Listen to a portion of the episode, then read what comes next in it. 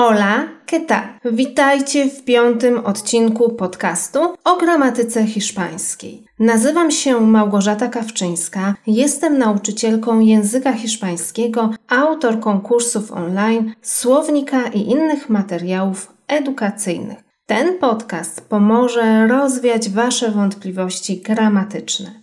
Dzisiejszy odcinek jest o tym, jakiego czasownika należy użyć w języku hiszpańskim, gdy mówimy o pogodzie. W poprzednich odcinkach podcastu o gramatyce hiszpańskiej poznaliście czasowniki być, lecz mówiąc o pogodzie w języku hiszpańskim nie użyjemy, tak jak w języku polskim, czasownika być. Na przykład jest ciepło, jest zimno, ale użyjemy czasownika hacer, który oznacza robić. Może najpierw przypomnijmy sobie odmianę czasownika hacer w czasie teraźniejszym. Jest to czasownik nieregularny z pierwszą osobą nieregularną w liczbie pojedynczej. Yo hago, tú haces, él, ella, usted hace. Nosotros, nosotras hacemos, vosotros, vosotras hacéis, ellos, ellas, ustedes hacen. Odmianę również znajdziesz w opisie do tego odcinka podcastu. Wracając do pogody. Tak jak już wcześniej powiedziałam, użyjemy czasownika aser robić. Przykład ase calor.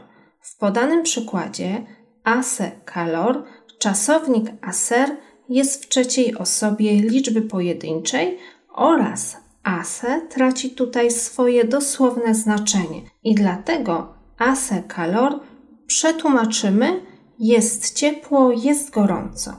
Kolejne zwroty. Hace buen tiempo jest ładna pogoda.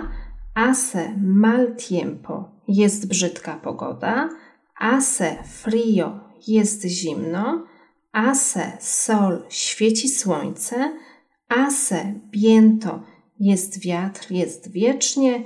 Hace 20 grados jest 20 stopni.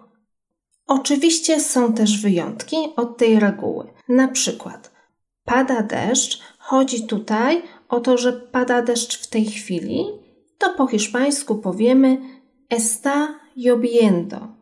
Został tutaj użyty czasownik estar. Estar również pojawi się w kolejnych przykładach. Está nevando, pada śnieg. Está nublado, jest zachmurzenie. Natomiast czasownika aber, a dokładniej jego bezosobowej formy aj, użyjemy, jeżeli chcemy powiedzieć, że jest mgła, czyli po hiszpańsku powiemy aj niebla.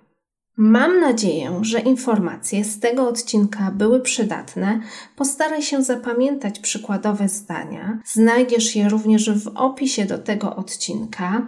Bardzo dziękuję za uwagę. Zapraszam do wspólnej nauki tutaj, jak i na kursach online. Zapoznaj się z opisem do tego odcinka i do usłyszenia.